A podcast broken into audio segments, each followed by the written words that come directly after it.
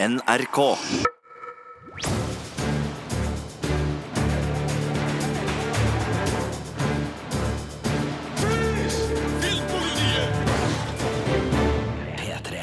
Velkommen til en splitter ny podkast fra Filmpolitiet. Jeg heter Birger Vestmo, og med meg i studio i dag Sigurd Vik. Og det skal blant annet handle om en av Hollywoods største stjerner.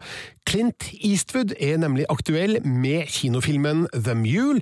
Vi skal se nærmere på den, og så skal vi ta et tilbakeblikk på Clintons lange karriere, og forklare hvorfor vi digger den ikoniske tøffingen. Ja, og så blir det også strømmetips for de som er gira på krimserier. True Detective sesong tre er nemlig rett rundt hjørnet. Og til slutt i denne podkasten skal vi gi vår dom over den premiereaktuelle norske ungdomsfilmen Psycho Bitch. Filmpolitiet.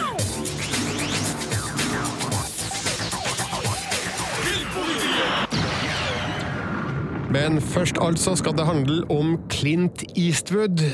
88-åringen som er klar med en ny film på kino kalt The Mule. Og eh, når la du først merke til Clint Eastwood, Sigurd? Eh, Det er nok i VHS VHS-hylla hjemme, hvor vi hadde eh, gode filmer som The Good, The Bad and The Ugly, og ikke minst Nådeløse menn, som var to av mine mest brukte videokassetter under oppveksten. Han var rett og slett helt fantastisk i westernfilmer, det er der jeg kjenner han godt fra. Og så hadde jeg i tillegg, Birger, og uh, nå er jeg litt usikker på om det var uh, bok basert på film eller film basert på bok, men jeg hadde Dirty Harry-bøker. Altså, jeg fikk ikke lov til å se Dirty Harry-filmene, men eh, jeg fikk kjøpt meg Dirty Harry pocketbok. Eh, Magnum 44 het den, eh, og det var god lesestoff eh, for en ung eh, western- og actionentusiast. Og så ble det jo veldig mye mer Clint Eastwood etter hvert, da, som eh, ungdomsårene gjorde at man fikk øye for spesielt da westernfilmene og spagetti-westernfilmene hans. Ja, jeg er jo litt eldre enn deg, Sigurd, så mitt første møte med Clint Eastwood det var faktisk i krigsfilmen Ørneredet fra 1968.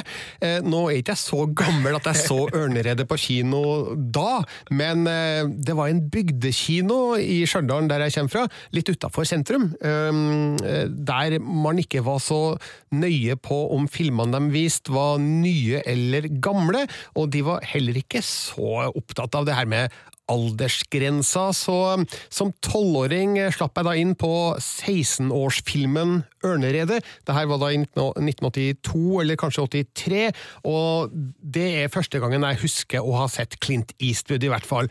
Um, og det var jo en, en film som ikke er så veldig typisk for hans karriere, for han var jo da allerede kjent for både westernfilmer og, og krimfilmer, men dem hadde jo ikke jeg sett eh, på det tidspunktet.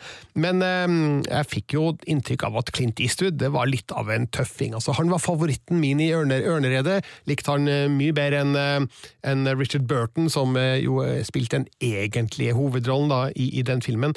Men senere ut på 80-tallet så ramla jo jeg også i VHS-fella, hvis vi kan kalle det.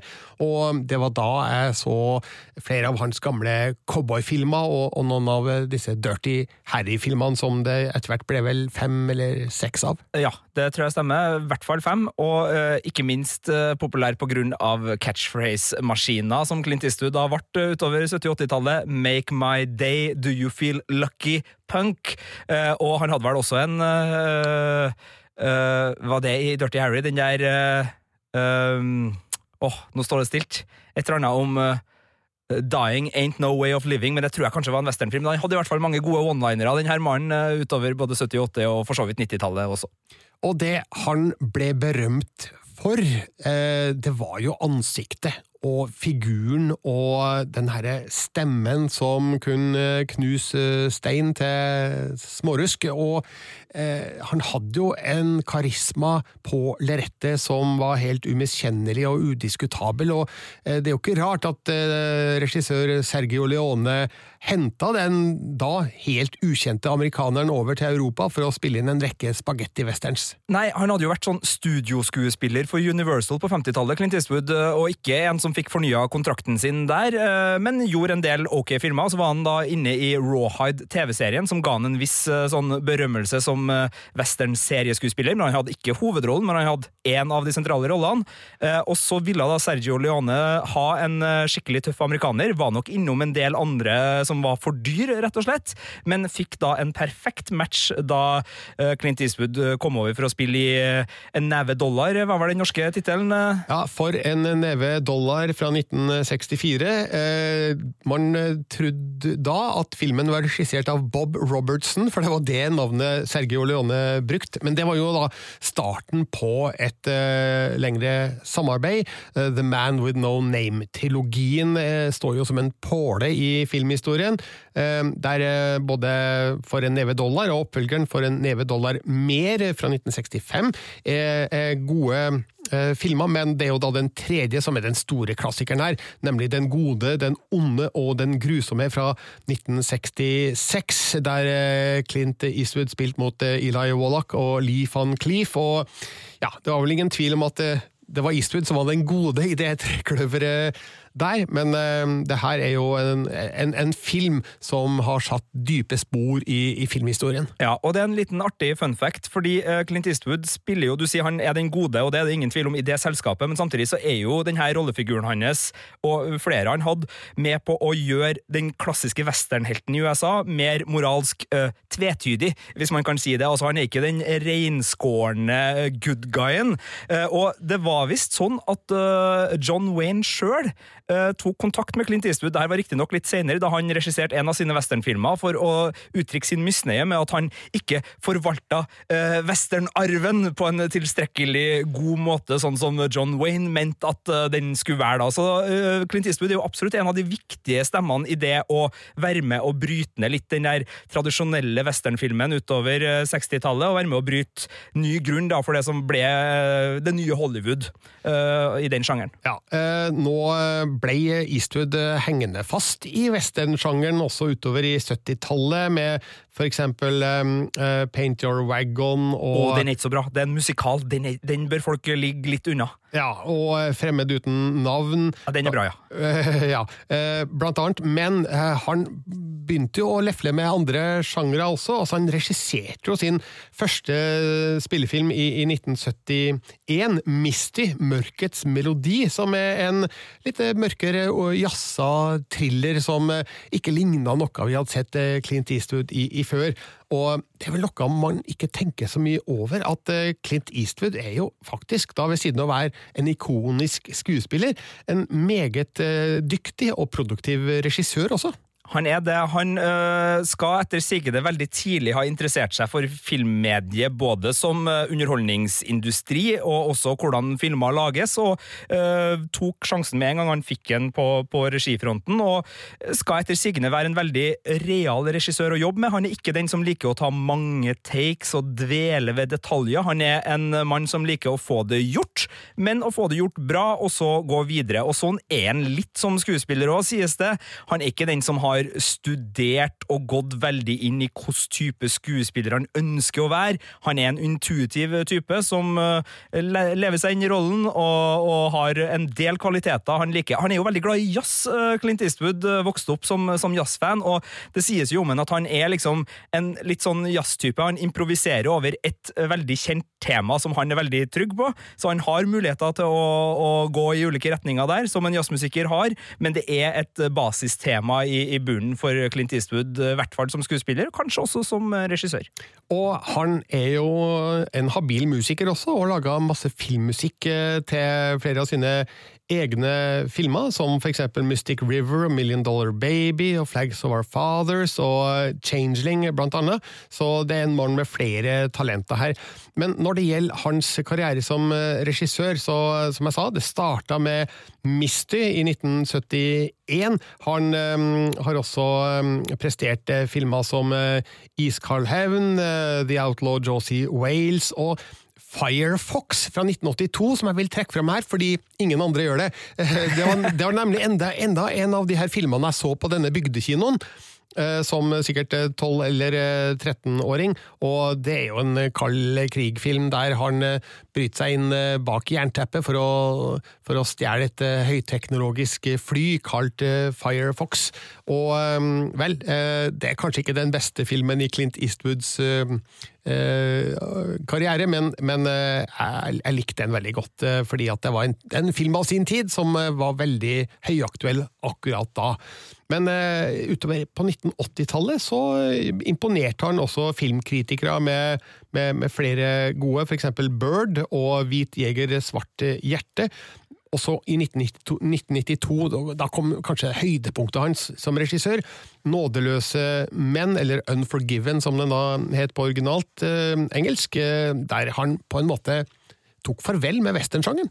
Eh, han eh, tok et oppgjør med sine egne figurer, som da mange av dem var voldsmenn, og eh, han eh, spilte en, en figur eh, som måtte forsone seg med sin voldsomme fortid, nemlig Bill Money, og det her ble eh, Eastwood eh, Oscar eh, for, eh, opptil flere faktisk, så det er vel kanskje den beste filmen han har, om ikke spilt i, så i hvert fall regissert. Det er en av mine absolutt eh, favorittfilmer. Morgan Freeman, Gene Hackman er jo også med på å gjøre det her til en westernklassiker. Og det er jo som du sier, den, den tar både et oppgjør med, med voldsbruken, og den ser litt på de amerikanske, den amerikanske mytologifiseringa, holdt jeg på å si. Det er et veldig dårlig ord, men altså westernmytene som var bygd opp eh, rundt eh, nybyggertida spesielt, da, og, og hvordan de her eh, byene ble til, og hvem som styrte dem, og hvordan de styrtes, osv. Og, så videre, og det er jo noe med den amerikanske drømmen nå som ligger og skurrer i bakgrunnen av den filmen, så, så det er en veldig rik westernfilm. Det er ikke en film som søker å bare kjøre ren underholdning på en spenningshistorie, men den har mange lag, og uh, Clint Eastwood han var jo gammel da. Det, jeg jeg synes det her er så rart, Birgit, for det her var en film som jeg husker fra min barndom, og allerede da så var Clint Eastwood en gammel mann. Og nå eh, så er han en eldgammel mann, altså han er 88 år, og han holder på ennå. Jeg husker også da Gran Torino kom for ti år siden, er det vel? Eh, og det var vel den siste gangen vi fikk Clint Eastwood i en uh, registol og en hovedrolle, men han holder altså på. Det er, helt utrolig. Men uh, han hadde jo mange gode 90-tallsfilmer, syns jeg, som var litt mer i sånn thriller-konseptet. Altså I skuddlinjen og Forbrytelsen og Blodspor, og det, var- det var flere sånne gode thrillere i, i den enkleste. A Perfect World, eh, der også Kevin Costner spilte hovedrollen. Eh, Og han har vist eh, en allsidighet som både filmskaper og, og skuespiller. Altså Han har laga, som du sa, thriller, han har laga krigsfilmer, han har laga kjærlighetsdramaer. Hallo, broene i Madison County. Ja, Den har ikke jeg sett. Nei, og så har han laga sånn, eh, en ganske ny, fersk eh, krigstriller, American Sniper, med Bradley Cooper i, i hovedrollen. Og eh, han har vist en stayerevne som er forholdsvis eh, imponerende, i hvert fall når man har kommet ja, så høyt opp i åra som Clint Eastwood har nå. Ja, og så har han eh, klart å eh, ivareta det å ha noe på hjertet. Altså, den, eh, Som filmskaper så føler jeg at han har noe på hjertet også med de filmene han lager nå. Han har ikke bare gått inn i en sånn respektabel pensjonisttilværelse hvor han produserer filmer som Hollywood glatt kan selge til et voksent publikum, noe som hadde vært veldig lett for han å gjøre.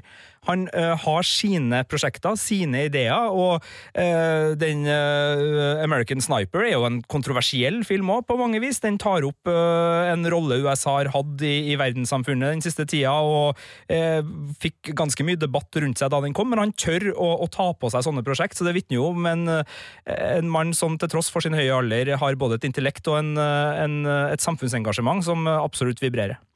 Nå er det The Mule som er kinoaktuell. Hans uh, foreløpig siste film som skuespiller og regissør. Jeg skal ikke forundre meg om det kommer flere, altså, men uh, altså, skal aldri si aldri når det gjelder Clint Eastwood, men da jeg satt meg ned for å se The Mule, så tenkte jeg det her er siste gang vi ser Clint Eastwood i en stor hovedrolle. Hvordan er det å sitte For det er du som har sett den, jeg har ikke sett den ennå, men eh, er- blir det et vemod for en filmfan som deg? Ja, er, man sitter her med en følelse av eh, ærbødighet og takknemlighet over eh, alt Clint Eastwood har levert, og eh, det er mulig da at man ser filmen med litt andre øyne enn om man skulle sett samme filmen med en helt ukjent person foran og bak kamera. For, for det er jo en bragd at han ikke bare spiller hovedrollen i en alder av 88, men han, han både produserer og regisserer. og jeg har aldri vært med på å verken gjøre det ene eller det andre, men å gjøre alt det her på en gang, det, det er det ikke veldig mange som uh, tar på seg, for det er ekstremt mye jobb. Og uh, man må jo da levere på flere fronter samtidig, og presset er høyt. Men uh, her får vel Clint Eastwood igjen for å ha et, et langt liv og en lang karriere bak seg. Han er han er omkransa av folk han stoler på, og han er trygg på det han gjør, vil jeg anta, da. Jeg har et sitat, for jeg har nemlig sett en uh, liten TV-spesial som ikke var spesielt god, men den ligger ute på strømmetjenesten Amazon Prime for dem som ønsker. En times hyllest av Clint Eastwood, og der ble det nevnt det at hvis du gjør dine saker bra når du jobber på en Clint Eastwood-film, så husker han deg, og det er god sjanse for at han tar dem med videre. Så han er nok absolutt, som du er inne på, en mann som uh, tar med seg de han eh, er glad i, for han vet at dem kan en jobbe med og stole på. Men er The Mule bra? Det skal du få svaret på. Need help, sir? Oh, uh, officer, hi. You need help? Uh, no, no, I'm fine, thank you. What do you got there? Well, pecans.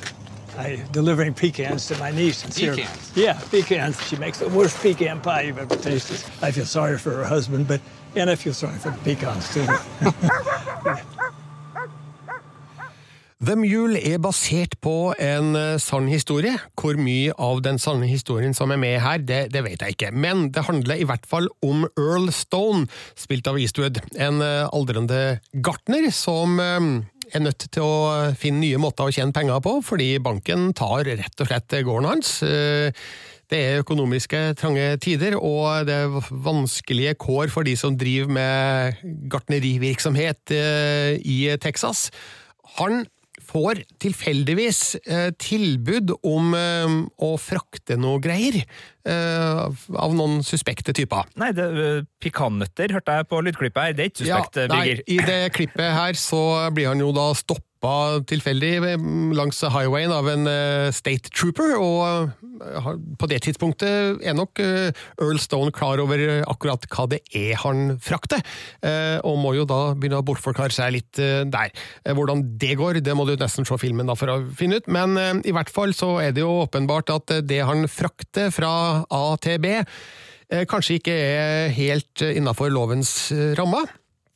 Eh, men betalinga er god, så Earl Stone stiller ingen spørsmål. Eh, han tar på seg stadig flere oppdrag, og eh, samtidig som det foregår, så forsøker han å slutte fred med familien sin, altså ekskona og, og dattera, og datterdattera, fordi gjennom et langt liv så har Earl forsømt familien sin og skjøvet dem fra seg for å fokusere på, på karriere og, og, og jobb.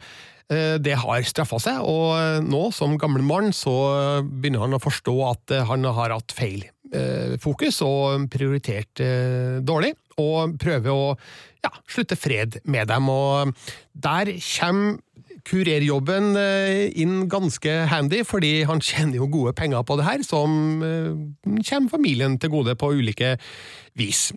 Så det handler om to ting, det her, da. Det handler om hans eh, nye karriere, og det handler om familien hans. Og det er et interessant utgangspunkt, altså, men dessverre så blir ingen av delene spesielt godt eh, skildra av Eastwood eh, denne gangen.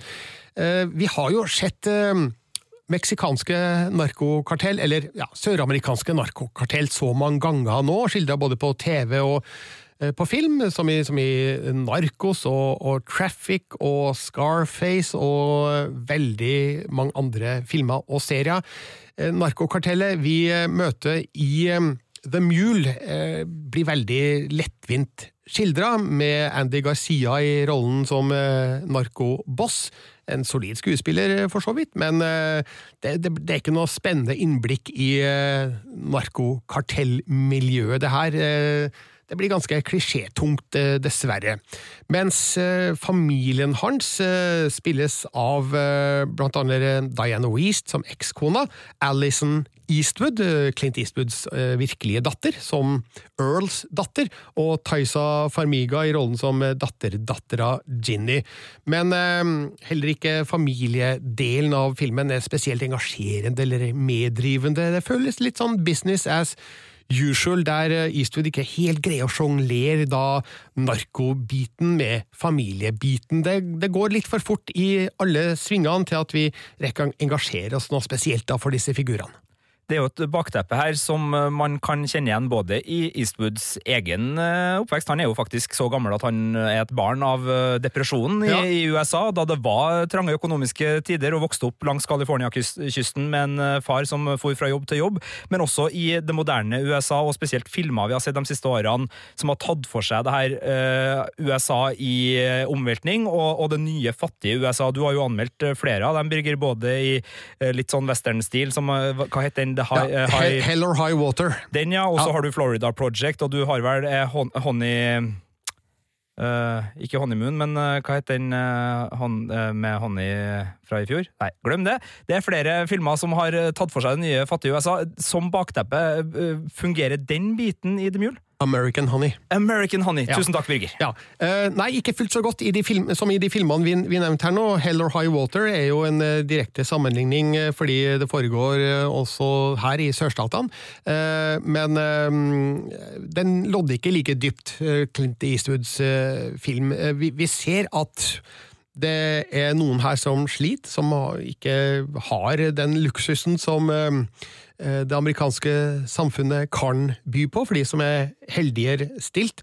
Og eh, vi har jo utgangspunktet her med at banken tar gården til Earl Stone, og at han i en alder av snart 90 ikke er i stand til å ja, være pensjonist. Det er jo ikke noe selvfølge nødvendigvis i det amerikanske samfunnet, og eh, det kan jo sies at det gjør litt inntrykk at eh, den gamle mannen er nødt til å gjøre det han gjør for å faktisk eh, ha til smør på brødskiva.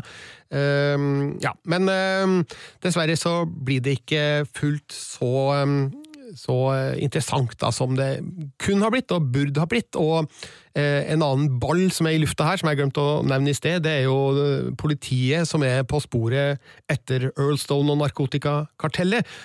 Det er også en eneste stor klisjé med Bradley Cooper, Michael Penya og Lawrence Fishburne i, i rollene, og de, de får ikke tid eller rom til å gjøre noe som helst med sine figurer. De er tynt skrevne, og man får jo liksom mistanke om at um, alle dem som er med her, er med av én grunn, eh, først og fremst, og det er at eh, Clint Eastwood har spurt dem. Ja, for det er litt av en gjeng. Ja, altså, altså- Andy Garcia, Lawrence Fishborn, og så sa du Javier Peña og Bradley Cooper. Ja. Altså, Hadde eh, Clint Eastwood spurt meg, så hadde jeg nok sannsynligvis eh, sagt ja, vil jeg jo tro. Så eh, jeg forstår jo det, sjøl om jeg regner med at både Cooper og Fishburne også kunne se av manuset at ja, her er det kanskje ikke all verdens å gjøre, og det er kanskje ikke de største utfordringene vi blir eh, satt på her, men det er Clinteren. Selvfølgelig skal vi være med. og ja, det, de, de gjør ikke helt bort seg her, altså. Men det er litt sånn akkurat passe kvalitet på det meste når det gjelder det innholdsmessige i The Mule, som for så vidt er, den er pent filma av Uv Belanger, eh, kjent for eh, foto på Sharp Objects og Big Little Lies, blant annet. Så han, eh, han har også laga kinofilm før, men mest kjent for eh, TV-ruta. Men han eh, har filma The Mule eh, pent og vakkert, så det, det er pent og pyntelig, det her, men eh, når aldri de store spenningstoppene eller em, emosjonelle høydepunktene. Så um, terningkast tre har jeg gitt til The Mule og Clint Eastwood. Det er fremdeles veldig hyggelig å se han på kino, det skal sies, eh, men eh, han kunne nok ha prestert en bedre film da enn det The Mule er. Så hvis han skal gå ut på en skikkelig høydare, så må han rett og slett bare komme seg i registolen og lage en film til? Det er det du sier nå? Eh, Det er nøyaktig det jeg sier. Jeg ser gjerne enda en film eh, fra Clinteren. Jeg er sikker på at han har det i seg.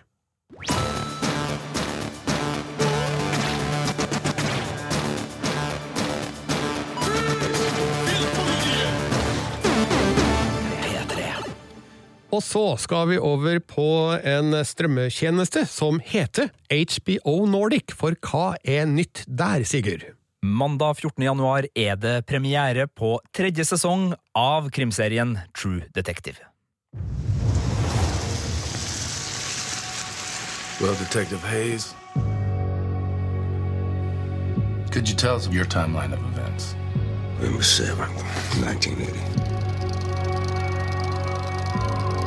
It Was just a case when I caught it. I know it'd be my last. Ja, den første sesongen av True Detective ble jo en hit, og godt likt, eh, kanskje bortsett fra deler av den siste episoden, skal vi si det sånn? Ja, øh, jeg er i hvert fall av den mening, og jeg skal ikke Jeg vet ikke om du også er enig der, at den hadde en veldig god øh, oppbygging og noen fantastiske enkeltepisoder, og to drivende gode detektiver i, spilt av Matthew, Matthew McConaughey og øh, Woody Harrelson, og så kom slutten litt sånn corny og brått på, syns jeg. Og så kom sesong to, som jeg aldri så, fordi alle sa den ikke var bra. Nei, den er ikke så bra som eh, sesong én, men den spiller på andre kvaliteter, for det er jo en antologiserie, så hver sesong handler om ulike etterforskninger og ulike uh, forbrytelser, og sesong to ble både litt for folkerik, litt for glad i å vise øh, spesielt menn som drikker alkohol, men for så vidt også kvinner som drikker alkohol, øh, og hadde ikke samme, det samme drivet og den samme intensiteten som sesong én. Så uh, før sesong tre så var vi litt sånn her, ok, hvordan skal uh, den godeste True Detective sesong tre komme seg liksom uh, nå? Det er Nick Pizzalotto, eller Pizzalauto? Hvordan er italiensken din, øh, Birger? Jeg sier Nick Pizzolato. Ja. Det er jo han som er både serieskaper og manusforfatter, og har vært det hele veien, så, så man kjente jo liksom at nå var forventningspresset veldig høyt, og det var litt sånn enten-eller for True Detective nå. Skal det fortsette å være en prestisjeserie, eller er det en serie som hadde en eh, veldig god start, og som ikke klarte å opprettholde? Og gledelige nyheter! Basert på de fem første episodene som jeg har fått tilgang til, så er det her en serie som går tilbake til suksessoppskrifta fra sesong én. Fokuserer på detektiver som løser en forferdelig prøver å løse en forferdelig eh, forbrytelse, og holder seg der med en stemningsbasert og dialogbasert og veldig rolig, men allikevel fokusert eh, dybde i historien, som, som du, du blir kl- klora fast og hekta med, og det er ikke sånn som i sesong to, hvor det var litt sånn all over the place, og du plutselig hadde ti minutter med Vince Vaughn og indre monolog. Ikke at det var dårlig, altså folk må ikke si at sesong to var dårlig, det syns jeg er for strengt, men den var ikke den hadde ikke de samme kvalitetene som sesong- én hadde, men det har sesong eh, tre. Så den er friskmeldt, og så er jeg jo litt spent om eh, hvorfor ga ikke HBO meg hele serien? Har de nok en gang en ræva slutt, eller er det bare fordi eh, det var et valg? Jeg er forsiktig optimist, det virker som de har veldig god kontroll på tingene denne gangen. Eh, Hovedrollen i eh, sesong tre av True Detective spilles av eh, Mahershala Ali, som vi har sett på kino i flere tilfeller i det siste, som i Hidden Figures. Han spilte Juan i Moonlight. Eh, han spilte jo da Remy Danton i TV-serien House of Cards, og han spilte Boggs i de to Hunger Games eh, Mockingjay-filmene. Eh, nå spiller han da en detektiv i True Detective som heter Wayne Hayes, og, og hvem er det? Det er en eh, Vietnam-veteran som i 1980 er tilbake i Ozark-området, som er et svært, eh, litt sånn ruralt område i USA, hvor han jobber som eh, politimann. Han var eh, jeger i Vietnam, altså han jakta i jungelen på folk. altså drev, Han var sånn, eh, litt sånn sniperaktig type, men, eh, men da først og fremst så han har vært veldig mye alene i Vietnam. Så han har en litt sånn cool backstory, da, hvis man kan eh, dra det, dra det dit. Ja. Eh, og jeg bruker de her eh, eh, his skillset som detektiv også. Eh, Sammen med partneren sin, som spilles av Steven Dorff, så får de en telefon om å rykke ut på en forsvinningssak. Det er to barn som har forsvunnet fra faren sin. Og hele byen begynner å lete, og det her er jo veldig klassisk USA. da. To barn på sykkel, forsvinner sporløst, amerikansk småby, hele byen begynner å lete, ting du har sett før. Men her er serien god, for den fokuserer da veldig på detektivenes uh, jakt i denne byen, og så fortelles den i flere tidslag. Vi er i 1980 uh, en del, og så er vi også i 1990, da saken gjenopptas fordi det kommer nye bevis. Og så er vi i 2015, da en gammel, gammel Wayne Hayes på 70 år med gryende Alzheimer blir oppsøkt av true crime-podkast, eller sånn, ikke podkastere, men altså sånn true crime-journalister, som skal lage en sak om denne uløste saken. Så det nøstes i tre ulike tidsperioder, og det fylles ut på en veldig fin måte. Og så er det jo mer fokus på detektivene enn på selve forbrytelsen, og det digger jeg. Men hvordan funker disse figurene over et så stort tidsspekter? Altså, Kjøper du alle versjonene av dem? Jeg kjøper versjonene av dem. Altså, Den versjonen som er i 1980 og den i 1990, de er ganske like. De er bare justert litt i hårfeste og, og sånn, men både Steven Dorff og uh, Mahershala Ali fungerer utmerket uh, som henholdsvis 30-åring og, og 40-åring, cirka. Uh, så er det mer spennende med den gamle versjonen av dem. Der syns jeg Ali kommer veldig godt ut av det. Han spiller overbevisende som litt sånn famlende og usikker, men allikevel veldig dedikert uh, pensjonist. Uh, og så er Steven Dorff sin rollefigur den eneste som på en måte glipper lite grann, for han ser litt uh, sminka ut. Okay. uh, men ikke veldig plagsomt, altså, så det, det, går helt greit. Men det er et eller annet det, Du vet når sånn Saturday Night Live og sånn skal ha litt sånn sketsjer, og så skal de spille gamlemann, så putter de pute under uh, skjorta, og så drar de hårfestet og snakker med sånn gammel stemme! det, det, det, er ikke så ille, men, men akkurat Steven Dorff sin 70-åring hadde jeg litt, litt litt trøbbel med, men det er ikke noe som ødelegger veldig. og Han, eh, han i den tidslinja er heller ikke veldig sentral. Det er Ali som er hovedpersonen eh, her, og selv om de er partnere i de to Uh, altså 80- og 90-utgaven, så, så, er det Ali som, som bærer denne serien. Og han er en så glimrende god skuespiller, Birger, at det er rett og slett nesten hypnotisk å, å følge med. Denne gangen så er jo krimhistoria veldig tydelig og enkel. altså er, Det er litt sånn, det er fremdeles noen dukker og noen figurer, og det er veldig mye rundt det. Litt sånn åndelig, litt overnaturlig, kanskje. Så, så de har liksom tatt vare på en del sånne typiske True Detective-ting. Men det er mye mer renskåren etterforskerhistorie denne gangen. Lettere å, å, følge med på. Så er det jo noen psykologiske sider som denne gangen heldigvis ikke løses bare ved at etterforskere uh, lar ting gå inn på seg. Derfor så drikker de veldig, veldig, veldig, veldig, veldig mye. Mm. Denne gangen så viser etterforskerne at ting går inn på en annen måte. altså Wayne Hayes er uh, dedikert etterforsker som er sint på forbryteren. Han er sint på systemet, han er sint på seg sjøl. Han sliter med uh, rettferdiggjør sitt eget sinne og sin egen bakgrunn, og hvordan den plutselig kan boble opp til overflata, både i ekteskap og på jobben. Han er veldig glad i sin kone, samtidig som han ikke egentlig unner henne helt å ha suksess som gjør at hun blir selvstendig, for hun skriver nemlig en bok om denne saken. Ja. Eh, så, så, han er en kompleks og fin rollefigur som det blir veldig uh, interessant å følge, og, og, han er True Detective sesong tre sitt store hjerte og, og fokus. Nå skal jeg ikke påstå at jeg har full oversikt over Mahershala Alis eh, karriere, men altså, de rollene han er mest kjent for, de jeg nevnte i sted, altså Remy Denton i House of Cards og, og, og, og Moonlight, uh, for eksempel. Han, det er ikke så enormt stor forskjell, føler jeg, da, på de rollefigurene han er mest kjent for, altså måten han spiller dem på, men han har en sånn karisma, uh, herr Ali.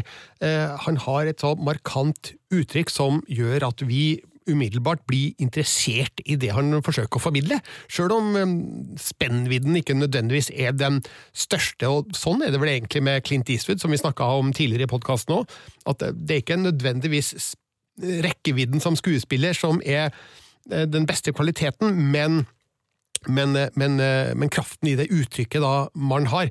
Eh, men, men, hva med Steven Dorff? Fordi det er jo en skuespiller som for så vidt har jobba jevnt og trutt opp gjennom de siste tiåra, men jeg vet ikke om jeg egentlig husker han fra noe som helst etter Blade fra 1998.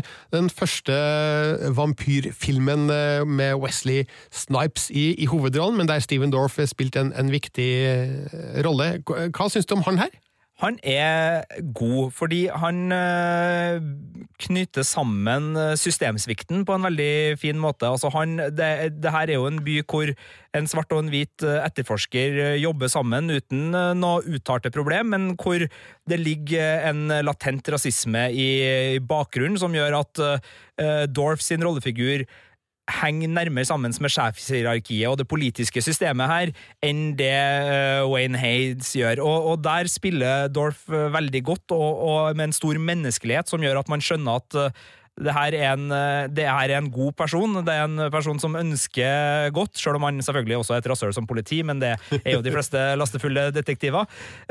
Men samtidig så er han en del av systemet på, på, sett og vis, uten at det, det ødelegger. Men, men, han gjør en veldig fin jobb med å uh, nyansere det bildet. da. Hvordan en uh, person som uh, jobber i politiet på denne tida, ønsker å både få løst saken og liksom rekke finger til politikere som prøver å finne sin løsning på saken, for det her blir jo etter hvert en veldig betent sak for lokalsamfunnet.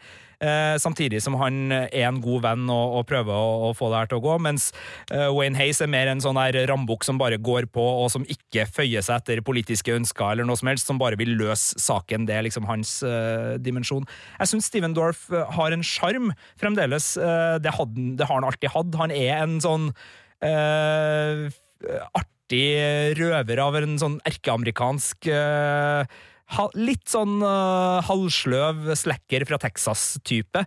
Og, og, han klarer å ha med seg den veldig fint. Han er godt kledd, han har en uh, litt sånn uh, tredagers uh, naturlig skjeggautoritet som, som, gjør at han, han, er kul, altså. Han er mm. det. Jeg husker han jo fra So Fucking What, som var en sånn 90-talls slacker-klassikerfilm òg, der han bare gikk rundt og sa So Fucking What. Og han er litt han So Fucking What-fyren også her. Den første sesongen ble jo i hovedsak regissert av Carrie Fukunuga. Eh, Justin Lin eh, gjorde de første av sesong to, mens eh, nå er det Jeremy Solnier som har regissert de første episodene av sesong tre av True Detective. Eh, han er jo eh, mest kjent for litt eh, brutale thrillere som Blue Ruin og ikke minst Green Room, som kom i 2015. tar han vare på det stilmessige uttrykket fra serien som slik, slik vi har sett den hittil? Ja, men det er videreutvikling av det. Det er fremdeles en veldig sånn naturrealisme i bildene. Det er en sånn litt grå palett sånn i utgangspunktet, men det er øh, flotte landskapsbilder og litt sånn dvelende kameraføring som tar seg god tid, uten at det blir seigt denne gangen. Den er ikke så seig som kanskje sesong én kunne være til tider. Og det er fremdeles skitne bilder hvor det ligger søppel rundt omkring, og de, det er støv, og de åpner uh, dører på trehus eller låver der det ikke har vært liv på lang tid. Så det, den dyrker den samme estetikken. Altså en veldig sånn uh, fascinasjon for uh, bygde-USA og, og den litt sånn uh, mystikken som kommer ved at rom ikke har blitt åpna på aldri så lenge, og at folk bor på plasser der det egentlig ikke skulle gå an å bo. Og her er det indianere som er skraphandlere, som man liksom ser i periferien, som kjører forbi, og man skjønner at det er et eller annet med dem der, og måten kameraet følger dem på. Så det, det er et eller annet med han der! Uh, og så holdes vi i mystikken, da, før vi et par episoder etterpå plutselig møter dem igjen. Så, så jeg syns uh, regien tilfører eh, både mystikk og, og, rom til den fortellinga som fortelles. Og der gikk jo sesong én kanskje vel langt ved å hele tida la oss tro det skulle være så mye mer enn det faktisk var, at vi ble skuffa når de da bare liksom sånn Og der er morderen! Eh, så jeg håper jo at eh, det er noe mer da, eh, i denne runden, for hvis ikke så, er det litt skuffende, for det er en stil som legger opp til det. Men for å konkludere, etter de fem første episodene av True Detective sesong tre, så er det verdt å å se på? Ja, Hvis du elska spesielt da starten av True Detective sesong 1 og, og syns det var en deilig krimverden å være i, og nå sier jeg deilig med eh, forbehold, for det er jo ikke koselig her, men, men det er en skikkelig sånn god krim, syns jeg, da er det her god, gammel True Detective og absolutt verdt å teste ut. Filmpolitiet. Filmpolitiet på P3. Til slutt i eh, denne podkasten skal det handle om den nye norske ungdomsfilmen eh, Psycho Bitch, som er en, eh, ja, det er en high school-film, egentlig. Den har i hvert fall et ganske kraftig slektskap til amerikanske high school-filmer. Tenkte jeg bare kunne dra opp igjen vår gamle topp fem high school-filmliste fra 2011. Gjør det, ja. Husker, husker du hva som var på den, Sigurd? Uh, jeg husker ikke, for jeg husker, men jeg husker hva som var på topp på den, for vi laga en også som var bare high school-filmer fra 99. Der var American Pie eh, og eh, Ten Things I Hate About You på topp. Jeg vet ikke, Er noen av dem med på den her eh, storlista? Ja, men hør nå. Jeg har ikke bladd meg helt ned i, i artikkelen sjøl ennå, så jeg husker jo ikke hva som var på topp. Jeg håper Fast Times at Regiment High er Du, På femteplass der satt våre kolleger Marte Hedenstad og Maria Lindberg, som har laga denne lista. De satte opp Mean Girls fra 2004, Ja, det er bra. Det er med, ja, med Lindsay Lohan i, i hovedrollen. På fjerdeplass satte de opp American Pie Ja, den fra er god. 1999. Det er den med paien, du Det er vet. den med paien. På tredjeplass Grease fra 1978. Det er jo en high school-film. Ja, det er det jo. Det er også en musikal, så den havner jo på topp eh, på flere lister hvis man skal begynne å sette sammen sånn, men en knallfilm, da.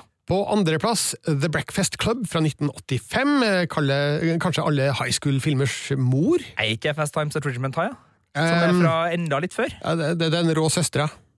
Ja, det, det, ja ok. ok. Ja. Ja. nei, men Fast, eh, Fast Times at Richmond High fra 1982, den, den er selvfølgelig eh, tre år eh, før The Breakfast Club. Eh, Den er dessverre ikke på toppen av lista her, Sigurd. Men der ligger Napoleon Dynamite fra 2004.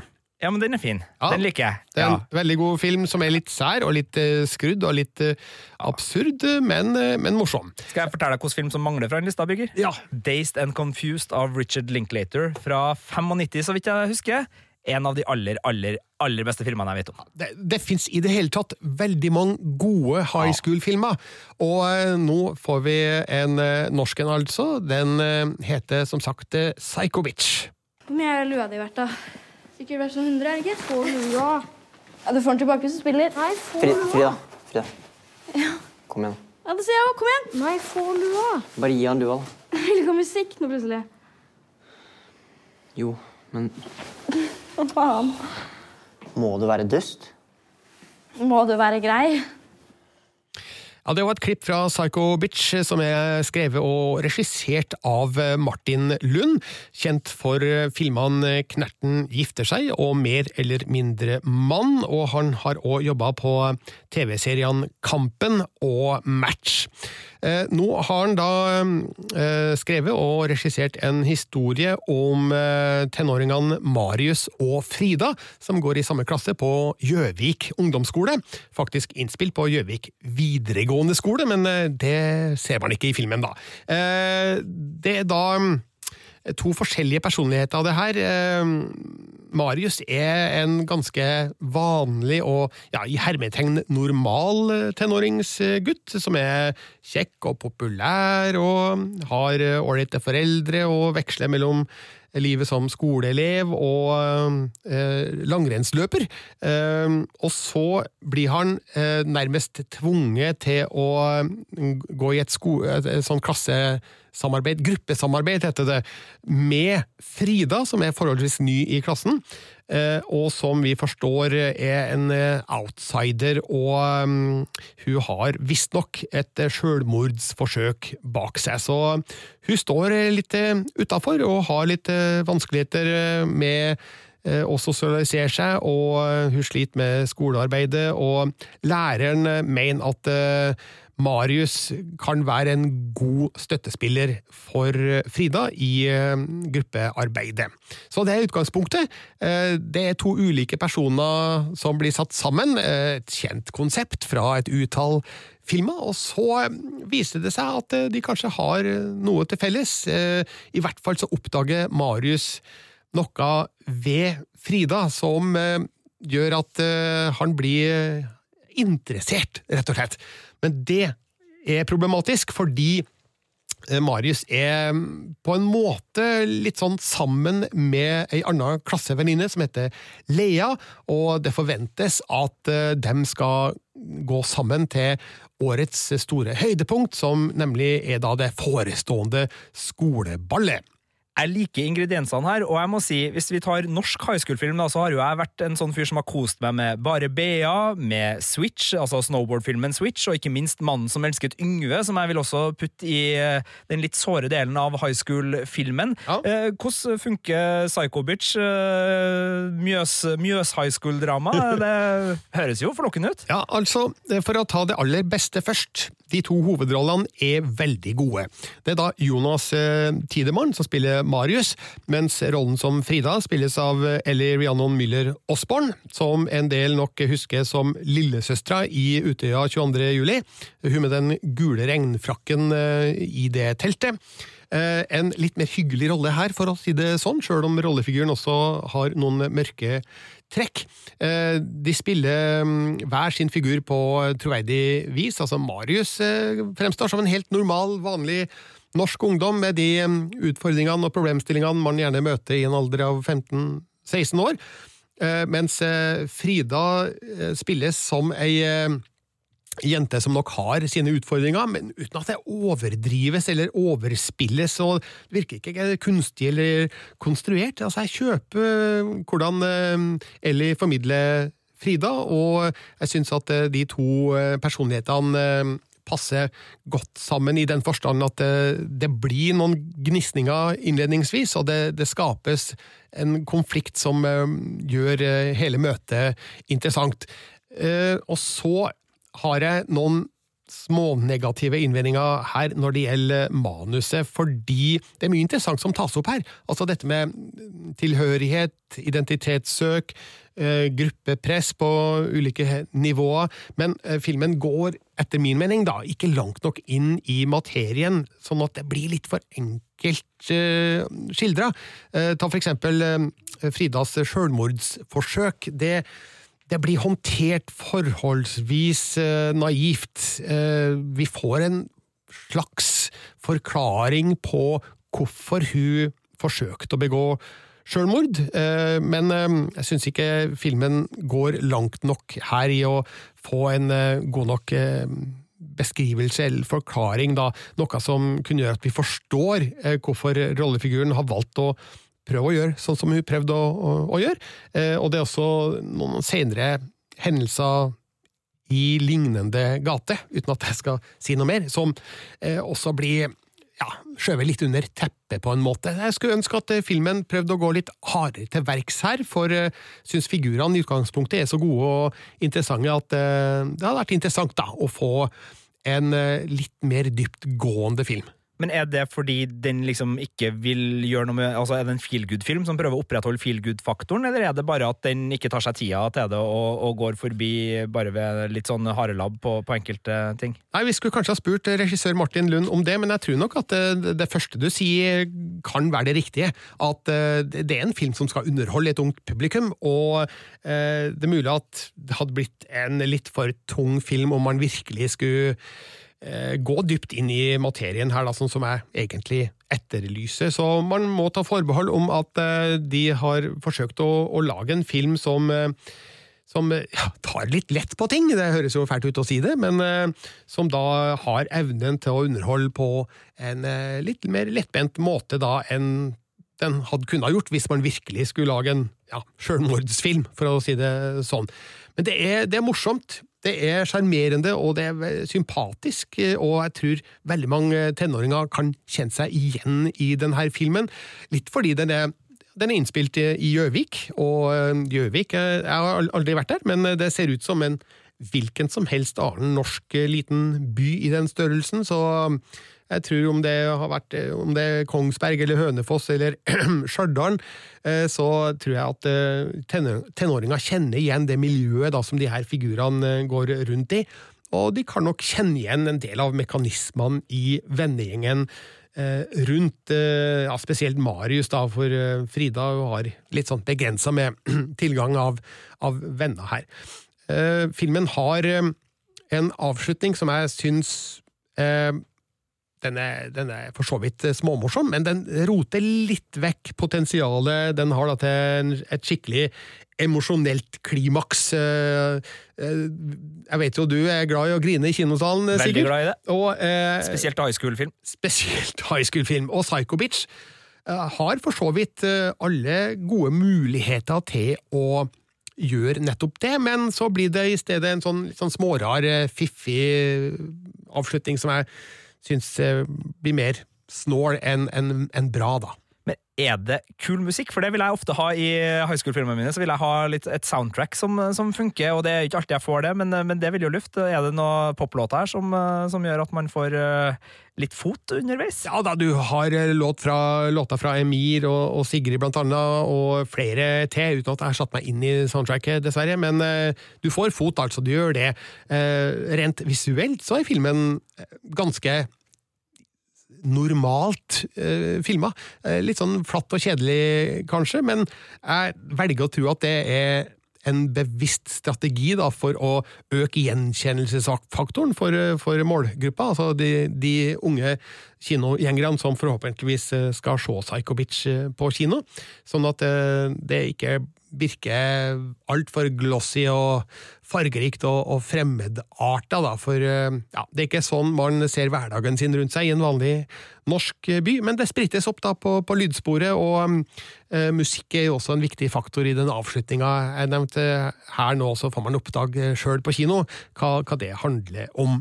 Men Psycho Bitch er en god norsk eh, high school-film. Jeg syns det er veldig bra at eh, den er blitt eh, laga, og jeg har veldig stor sjanse for Jonas Tidemann og Ellie Rhiannon Müller Osborn i hovedrollene, så her skal Martin Lund og co. gi seg sjøl klapp på skuldra for å lage en, en god film for en målgruppe som ikke akkurat har blitt bortskjemt med eh, norske filmer laga for seg. Nei, for jeg har begynte å tenke på det, og, og alle de filmene jeg ramsa opp i stad, bare Bea, Switch, Mannen Det er jo over ti år gamle filmer.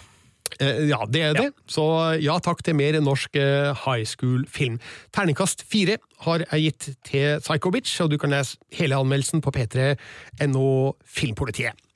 Og med det er vel denne podkasten rett og slett eh, på eh, vei mot eh, slutten, men la oss tipse om andre ting som skjer i vårt podkastunivers. Ja, på podkast-tida så er jo jeg og Marte Henstad dypt inne i Game of Thrones-verden, så vi kommer jo oss rett og slett ikke ut der. Driver og ser igjen alt fram mot finalesesongen som kommer i april, så hvis du er gira på å være med der, så sjekk ut Game of Thrones-podkasten.